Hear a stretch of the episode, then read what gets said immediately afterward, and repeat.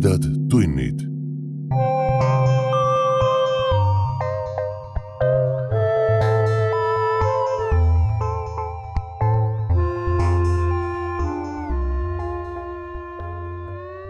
tere, hea ulmesõber. sa hakkad kuulama õudus- ja ulmejutu vestmis podcasti Tumedad tunnid suvise järjejutu teist osa. mina olen saatejuht Priit Öövel. kui sattusid siia juhuslikult siis mine esimese osa juurde tagasi ja kuula, kuidas lugu alguse sai. ma loen teile teise osa Veiko Pelialsi ulmejutust Surnud mehe käsi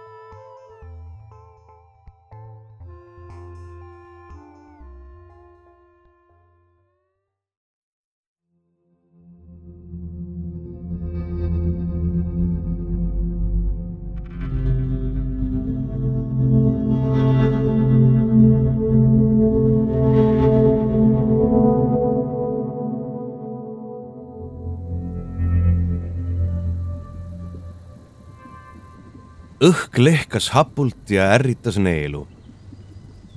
seal, kus hingamismaski lülilised tiivad põskedele kinnitusid, oli ekseem metalliga kokkupuutes taas õitsele puhkenud ning nahk tulitas ja sügeles välja kannatamatult. Fatali sõnul olla turule ilmunud uue põlvkonna maskid mingist uuest polümeersest organoplastist mis väidetavalt ei reageerinud enam õhus sisalduvate gaaside ja aurudega. aga suure tõenäosusega ei jõuaks ta sellist osta. ta teenis parajasti nii palju, et korrodeerunud maskid õigeaegselt välja vahetada. Wesson oleks hea meelega sülitanud, aga huulik segas. maskile vaatamata oli suus kirber rooste maitse ning silmad prillide all jooksid vett ja kipitasid Wesson seisis ja põrnitses silmi pilgutades valvsalt mürkkollast udu, mis eemal voogas. ei, korras, see ainult näis talle.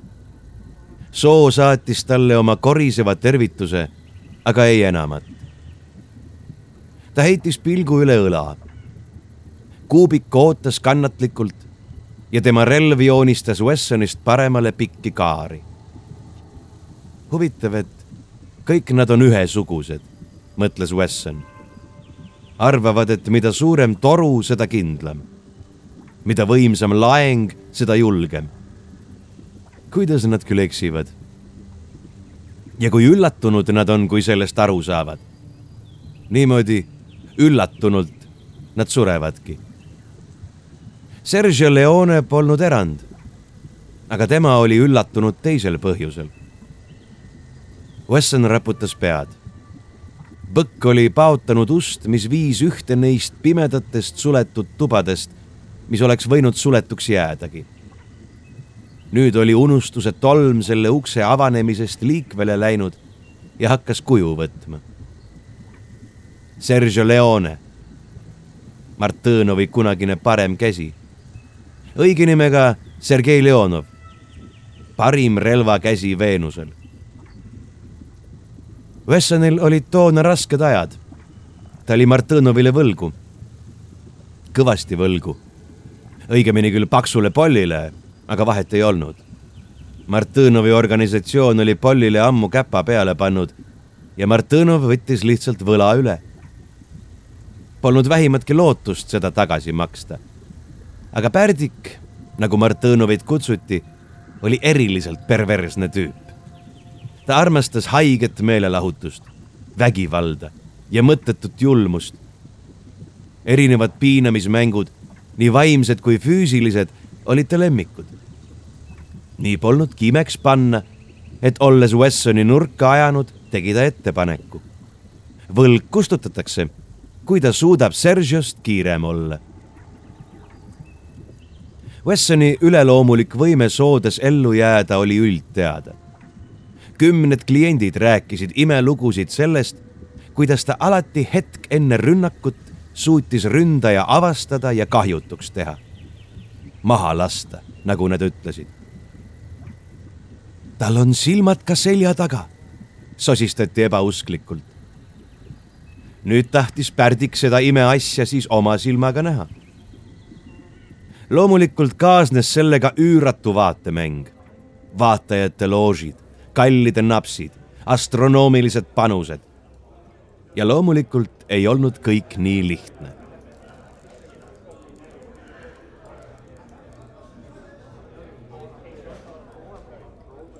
Wesson oli oodanud mingit räpast trikki, aga mitte seda, mis tegelikult juhtus. Nad seisid Sergioga vastamisi nagu kauboid kunagi.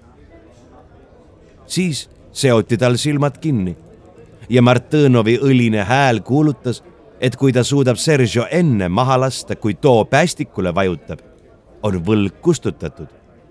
vähe sellest, Martõnov on valmis talle lausa sama palju peale maksma ainus tingimus on, et ta ei tohi tulistada enne, kui Sergio relva haarab.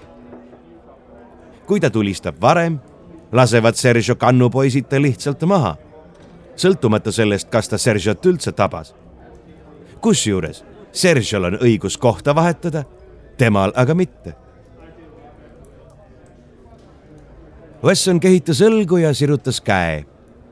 relv ta oli ju ette teadnud, et aus ei saa see kahevõitlus olema. mida ta aga veel teadis, oli see, et Martõnov on ise seda aimamata Sergio Leone surma mõistnud. Raske käepide libises ta pihku. ta kaalus seda. Kolleri universaalmudel, vana, usaldusväärne, täislaengus kaalu järgi otsustades oli lisaks energiasalvele ka kuulitrummel laetud. see oli hea. ta kavatses teha seda efektselt, et ta edaspidi rahule jäetaks. ja kuuliaugud on sel otstarbel iga kell mõjusamad kui energialaengu särin. ta lülitas käsikaudu ümber kuulidele, valis üksiklasud ja jäi rahulikult ootama relv langetatud käes rippu. Sergio oli ilmselt juba ammu hääletult kohta vahetanud ja kus ta käsualused passivad, polnud tal aimugi. ta ootas. ta ei pidanud isegi keskenduma. Tegelikult polnud oluline, mida ta tegi või millele mõtles. ta teadis alati, kui õige hetk kätte jõudis. ainsa juuspeene viivu vältel oli tal äkki põhjus, sihtmärk ja suund. Sergio oli otsustanud päästikule vajutada ning see impulss tabas teda nagu soomusrong. Oli tunne, nagu oleks pilkases pimeduses keegi prožektori sisse lülitanud. temal polnud tarvis teha muud, kui see prožektor puruks lasta. ta pööras end veidi Sergio pidas talle selja taha hiilimist ilmselt au pihta käivaks ja oli astunud kõrvale vaid mõned sammud. tõstis välkkiirelt käe ja tulistas. jahmunud ohe läbis loože. Siis kostis kukkuva keha mütsatus. ta teadis kinni silmigi, et kuuliauk haigutas täpselt kesk Sergio otsmikku. imestust tema surnud näol ta pigem eeldas. süttis veel kaks prožektorit. ta tegi kähku veel kaks lasku, ühe vasakule ja teise pöördelt kükitades peaaegu selja taha. Ja Sergio kannupoisid said endale täpselt samasugused augud nagu peremees. sametine pimedus ja jahmunud vaikus. ta ootas hetke ja tõmbas siis sideme silmilt.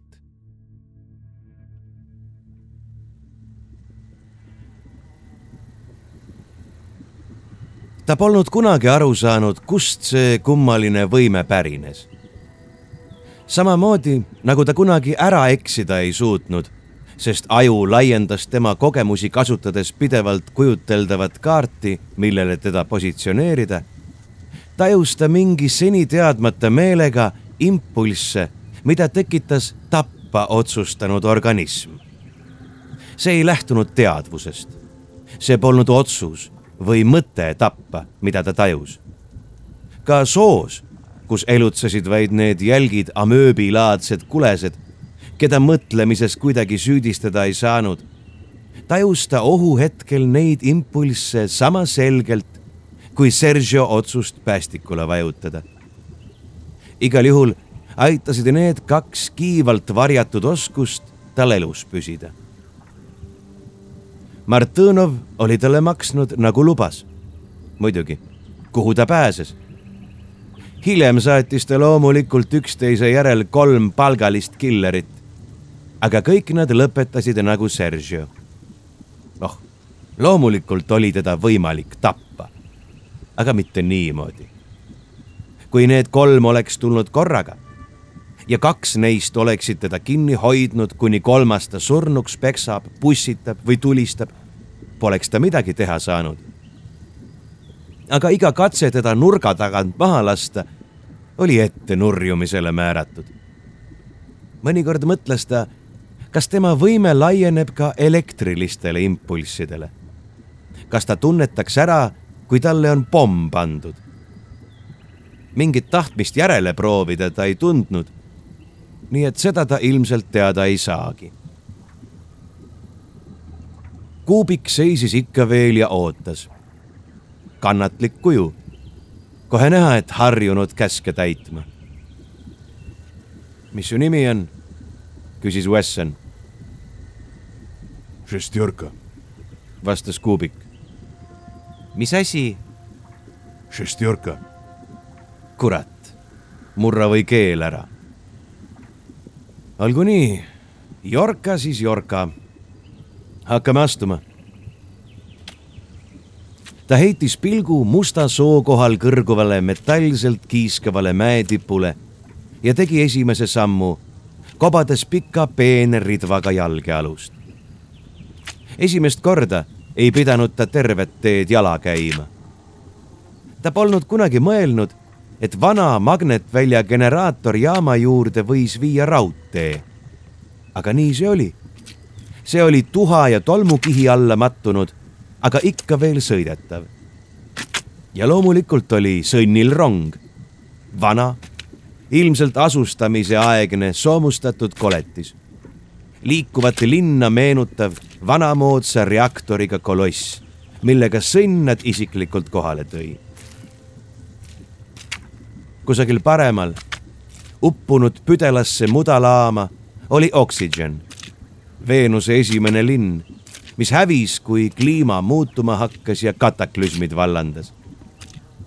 selja taha jäid Zerkalnõi rööstitud varemed, inimkonna lüüasaamise monumendid. jah, nad olid õppinud, aga millise hinnaga? Nad polnud kaotanud, kui nüüd järele mõelda. Nad olid ju elus. aga nad polnud ka võitunud sest mis kuradi elu see on? Wesson raputas pead ja sundis end teekonnale keskenduma. selja taga solverdas kuubik. peaasi, et ta kogemata kombel mul perset küljest ei laseks, mõtles Wesson. mis kuradi elu see siis veel oleks? aga teisalt parem perse kui munad, vilksatas mõte. ja ta tundis, et veel veidi ja ta purskub hüsteeriliselt naerma. mõte läks tahtmatult Cullenile, sealt tema tütrele ja siis juba paratamatult Seerale.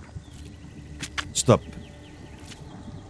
Wesson jäi seisma ja pani silmad kinni.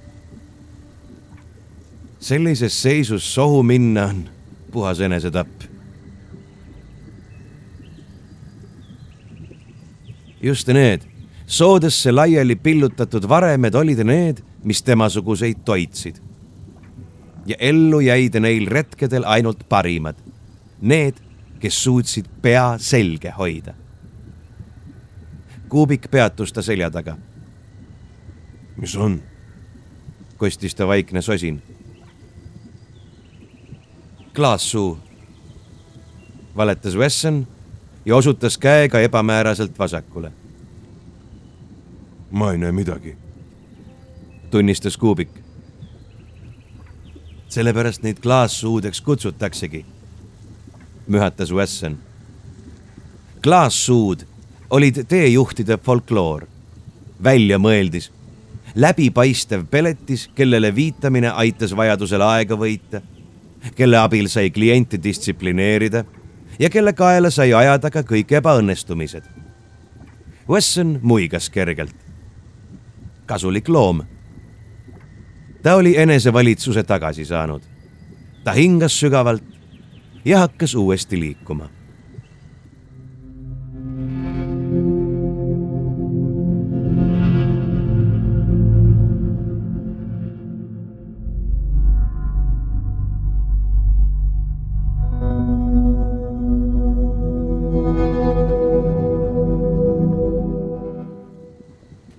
lõunaks oli kavandatud päevateekonnast veidi üle poole läbitud. senini oli kõik olnud vaikne. ei limalappe ega vibureid, isegi latsutajaid polnud kuulda. ookrikarva kuma segunes lillakate keerispilvedega, mis voogasid madalal pea kohal. hoiame vasemale, hõikas Wesson üle õla. edasi käi täpselt minu jälgedes siin on sügavaid lõhesid. õhtuks peaksime paaklaamadele jõudma. seal saame puhata. Kuubik noogutas vaikides. ta oli kogu selle aja jooksul öelnud vaid paar lauset ning Wesson pidi end tagasi hoidma, et tema allesolekus veendumiseks mitte kogu aeg selja taha vaadata paaklaamadele jõudmine ei läinud nii libedalt, nagu ta oli lootnud ritv kadus ootamatult mutta ja kui see poleks olnud ta randme külge kinnitatud, oleks ta sellest ilmselt ilma jäänud. lõhe. ta kobas ettevaatlikult ringi, lootes, et selles ei pesitse mõni rulluritest. lai ja sügav. üleminekuga polnud mõtet riskida. tuli otsida, kus see lõpeb või piisavalt kitsaks muutub. ta heitis pilgu vasemale seejärel paremale. kogemus ütles, et lõhed kaarduvad tavaliselt vasakule ja ahenevad. see oleks aga tähendanud tagasiminekut. samas paremat kätt olid need enamasti laiemad ja ulatusid kaugemale. ta sulges silmad ja uuris kujuteldavat kaarti, mis ta aiu oli sööbinud. iga käik oli seda täiendanud väärtuslike andmetega seda lõhet seal ei olnud. aga oli palju teisi ning Wesson taipas äkki, kuhu see uus lõhe labürindis paigutus. kordagi kõhklemata keeras ta paremale ja hakkas mööda lõhe serva edasi liikuma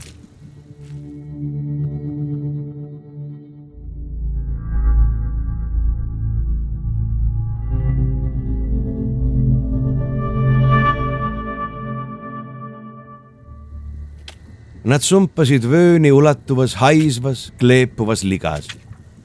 ring oli olnud siiski suurem, kui ta arvas ja varsti pidi minema pimedaks. laama aga ei olnud ikka veel.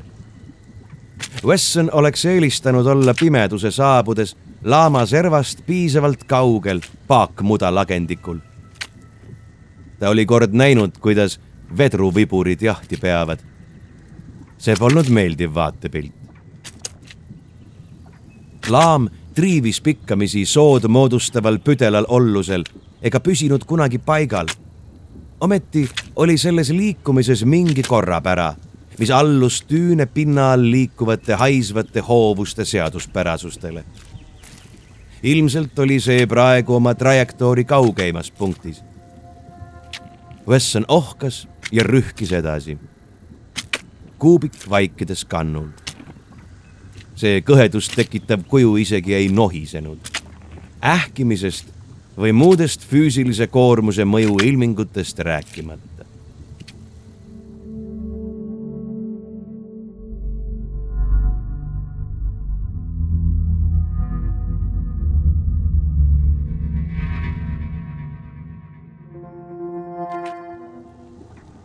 laam oli sellest küljest, kust nad lähenesid, pisut hallikas mitte läikiv must või pehmet sügavmatti tooni. Wesson ohkas kergendusega. ta ei tahtnud mõeldagi, et oleks pidanud selle äärt mööda veel edasi sumpama, et sobivat kohta otsida. ta oli niigi ramp väsinud. ta toetas käed laama servale ja seisis veidi, enne kui vajutas katseks, paludes mõttes, et see kannaks. serv murdus, aga mitte laialt. pealegi murdus see tervelt, mitte ei pudenenud väikesteks kildudeks. ta proovis uuesti parem käsi vajus mutta. ta sikutas selle välja ja silmitses käes olevat tükki. seekord oli see korrapärane ja palju paksem kui eelmine servatükk. vasak käsi toetus aga endiselt laamale. Ta astus paar sammu vasemale ja proovis veel kord. seekord ei andnud laam järele. serv küll paindus veidi, aga jäi püsima Wesson tõstis ettevaatlikult jalad põhjast lahti ja noogutas siis rahulolevalt. pikkamisi vinnas ta end üles ja oli paari kiire sammuga servast eemal. tule, lõikas ta. Ettevaatlikult ja pikkamisi. ära rabele. kuubik kupitas end laamale. Wesson juhtis nad vetruvast servast eemale laama ohutumale sisealale. tal jagus veel jõudu turvaandurid laiali paigutada, siis varises ta maha ja vajus unustusse.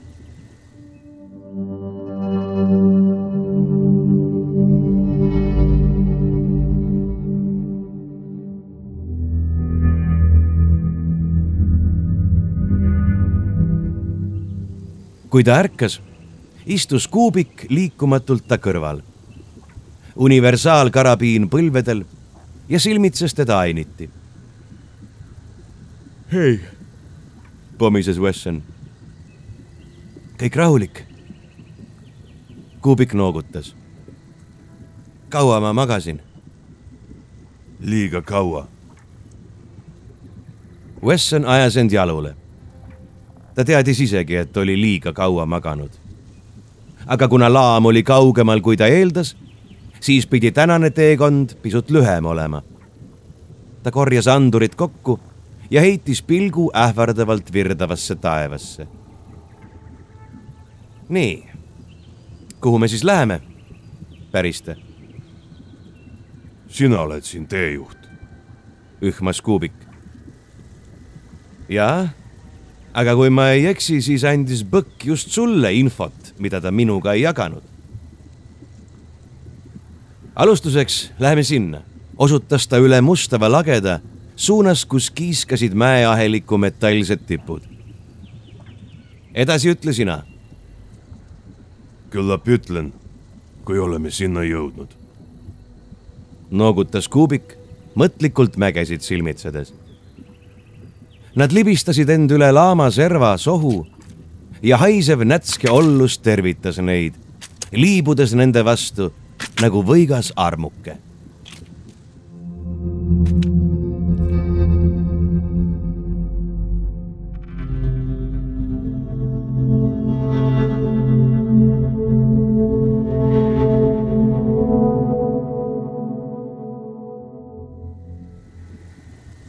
Ahelike rida ulatus üle soo ja andis võimaluse ööbida kindlal pinnal. ka sai end seal korraks lõdvaks lasta sest olesed ei roninud kunagi soost välja kuivale maale. seevastu muutusid päevad aina pingelisemaks. Wesson taipas, et nad lähenevad vääramatult piirkonnale, kus ta omal ajal eriväljaõppega rühma hukatusse juhtis ja siis suure saladuse leidis. Ometi ei julgenud ta sõnni käsualust lihtsalt maha lasta. ta kartis võimalust, et sõnn neid kuidagi jälgib. olgu siis kaamerate, mikrofonide või mingi veelgi peenema aparatuuri abil. ta kartis seera pärast. neljandal päeval juhtus lõpuks see, mida Wesson oli salamisi peljanud. Ta oli just kuubikuga järjekordse vaidluse maha pidanud, üritades aja võitmiseks teada saada, millised olid sõnni antud juhised ja kuhu nad täpsemalt peavad jõudma, kui neid rünnati. ta tundis tuttavat impulssi ja nägi pöördudes, kuidas mudast kerkiv tilkuv kogu lähemale viskub. päästikule vajutas ta automaatselt. amööb vajus kokku, aga Wessonit tabas juba uus prožektori kiir. silmanurgast nägi ta, kuidas veel üks amööb kuubiku selja taha kerkib. taga, karjatas ta. kuubik pöördus ja tulistas ning Wesson vandus mõttes. kuubik oli, nagu kõik esmakordselt sohu sattunud, teinud sama vea, mis juba paljudele saatuslikuks oli saanud Wessoni juhendamisele vaatamata oli kuubik oma karabiini maksimaalsele võimsusele ja võimalikult kontsentreeritud lõikekiirele seadistanud. taipamata, et soos elava süldi puhul pole sellest vähimatki abi. Wesson ise kasutas maksimaalse hajutusega lehtrit ja juhmistav paralüseerivat võimsust. nii polnud ohtu mööda lasta ja tulemus oli alati garanteeritud. algelistele olestele mõjus see kombinatsioon surmavalt. lõikekiirest seevastu võis teoreetiliselt ainult vedruviburite puhul abi olla. Nood aga olid enamasti liiga vilkad, et neile peene kiirega pihta saada. amööb aga kasvas lihtsalt lödinal kokku tagasi või poolduski lasu mõjul ja sul oli ühe asemel korraga kaks ründajat. täpselt nii juhtuski. kuubikut rünnanud amööb kasvas kokku tagasi, mähkis kuubiku oma hõlmadesse ja kadus koos temaga mustavasse mülkasse. kuubik ei jõudnud isegi häält teha. Wesson seisis, käed rippu. rünnak oli lõppenud. ta vandus kuidas kurat ta seda nüüd Põkile peaks selgitama? Seera oli järgmine mõte. mõtted tormlesid valguskiirusel, kui ta oma võimalusi vaagis. kui Põkk neid ei jälginud, siis on tal võimalus. ta peab nii kiiresti kui võimalik tagasi jõudma ja sõnni üllatama. enne lahkumist oli ta üritanud Seeraga ühendust saada kuid naine polnud vastanud. Cullen kinnitas ta kahtlusi, öeldes, et ka tema tütar on kadunud. nii oligi ta andnud Cullenile ülesande välja selgitada, kus neid hoitakse. loodetavasti tuli see vana kiidukukk sellega toime. juhul, kui Põkk neid aga siiski jälgis, oli asi veelgi lihtsam. kuna ta ei olnud saanud juhiseid ja Kuubik, kes neid andma pidi oli amööbi rünnakus surma saanud. Polnud imeks panna, et ta tagasi pöördub. hetkekski kõhklemata pööras Wesson tagasi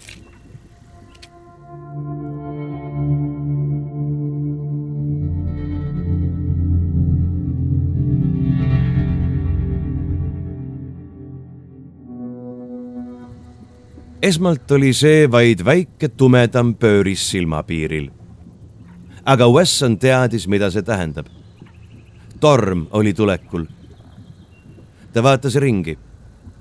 kui veab, jõuab ta enne lähima ahelikuni ja saab kuivalt maalt varju otsida. loodetavasti on seal lõhandikke või eenduvaid nukke. koobast ei julgenud ta isegi loota. ta mõttekaart ei näidanud midagi. sellel maalapil polnud ta enne käinud ta tundis peensusteni järgmise aheliku siinpoolset osa. aga sinna polnud lootustki jõuda. ja torm avasoos tähendas kindlat surma. ta lisas sammu, riskimata siiski jooksma hakata. jalgealune oli soos muutlik ja isegi korduvalt läbitud radadel tuli igat sammu kontrollida.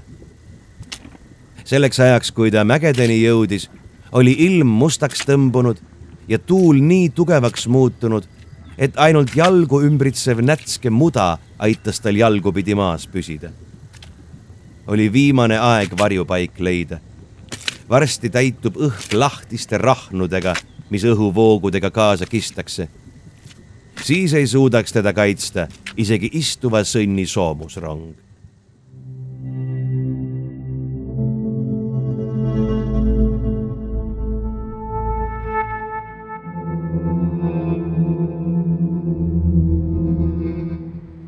Wesson kasutas sunnitud puhkepeatust varude inspekteerimiseks. toitekapslite ja füsioloogilise keeli varud olid piisavad ja vaatamata tormi põhjustatud ootamatule seisakule nälg teda ei ähvardanud. huvitav, kuidas need algelised sooelukad sellise tormi üle elavad, mõtles ta koopas istudes. küllap poevad selle püdela kihi all olevatesse sügavatesse maapinna lõhedesse varjule ja kust nad üldse ilmusid? esimesed ekspeditsioonid ei leidnud Veenuselt mingeid märke elust. ja see oli siin kunagi iidsetel aegadel olnud, aga mitte enam. Veenus polnud enam ammu koht, mis oleks elule sobinud. see ei sarnanenud vähimalgi määral sellele kunagiste ulmekirjanikest paberimäärijate naiivsetele ja võhiklikele ettekujutustele elust pulbitsevast planeedist täis troopilisi soid, reptiile ja amfiibseid humanoide. kui inimestel oleks olnud valikut, poleks nad iialgi Veenusele tulnud. aga valikut ei olnud. inimesed olid suutnud maa ökoloogia õige osavalt persse keerata. nüüd tuli katsetada teistel planeetidel, et kolooniatesse jalga lasta Marsil läks kõik üsna libedalt, kuigi atmosfääri ei õnnestunudki lõpuks luua ja baasid tuli kuplitega katta. Veenusel seevastu. Veenusega nii hästi ei õnnestunud, kuigi esiotsa oli kõik ju paljutõotav. rajati generaatorijaammad, et planeedile magnetväli tekitada. see pidi loodava atmosfääri kinni hoidma. siis hakati keskkonda muutma kujutades sama naiivselt ja võhiklikult nagu ulmekirjanike ammendamatutes fantaasiates ette, et planeet suudetakse alistada. Läks aga teisiti. mingist hetkest läks midagi valesti. mis see täpselt oli, ei teadnud vist keegi. aga otse kui saatuse irooniana kukkus paljude põlvkondade luhtunud pingutuste tagajärjel lõpuks välja kunagiste fantastide küündimatute vaimusünnitiste paroodia. kuivast kõrbeplaneedist sai inimvaenulik mülgas. kas neis mustades soodes elunevad olesed olid Veenuse enda bakterite ja ainuraksete uute tingimustega kohastunud järeltulijad või maalt kaasa toodud eluvormide muteerunud isendid? mis vahet seal enam oli Wesson isiklikult arvas, et tegelikkus oli veel hullem. et need on kahe erineva planeedi eluvormide hübriidid, mis pealegi muteeruvad ja arenevad kohutava kiirusega. ta ei imestaks sugugi, kui paari tuhande aasta pärast müttavadki siinsetes mürgistes soodes ringi reptiilid ja amfiibinimesed. masinlikult oli käsi põse juurde tõusnud Wesson vandus vaikselt ja otsis kreemi välja. habemetüüka kasvamine võimendas ekseemi tekitatud sügelust ja ta pidi end talitsema, et niigi verele hõõrdunud põski mitte veelgi enam katki kratsida. ta kreemitas põsed sisse ja pakkis varustuse jälle kokku. siis oli aeg riietus üle kontrollida kihiline naturaalsest nahast kombe oli terve ja pidas hästi vastu. aga saapad tuleb varsti uued muretseda. murelikult uuris ta prillidesse integreeritud lambi valgusvihust taldu. jah, midagi pole parata. nahk kestab selles hapus solgis kordi paremini kui ükskõik milline plast. ta kustutas ohates lambi, et energiat kokku hoida koopas oli kott pime ja koopa suu poolt kostis tormi möirgamist. ja äkki ta taipas, et koopas ei olnudki kott pime, nagu oleks pidanud olema. vaid see esmane reaktsioon, kui lamp kustus. see kontrast ereda valguse ja selle puudumise vahel tekitas tunde, et on läbitungimatult pime. nüüd, kus silmad hakkasid harjuma, nägi ta õrnrohekat kuma, mis kusagilt koopa sügavusest imbus. ettevaatlikult ajas ta end jalule ja nihkus kätega seinu kobades edasi. lampi otsustas ta mitte kasutada, et õhkõrna helendust mitte kaotada. rinnus pitsitas ja pulss rabeles nagu hull. see pole võimalik, vasardas peas. Ei ole, ei ole, ei ole. aga oli. ta seisis hiiglasliku koopa lävel mida täitsid kükloopilised helendavad tornid. ta teadis, et ei olnud kunagi selles koopas käinud. ometi nägi ta seda, mida oli korra elus juba näinud. ta neelatas ja sulges silmad ning rohekas kuma tungis läbi ta suletud laugude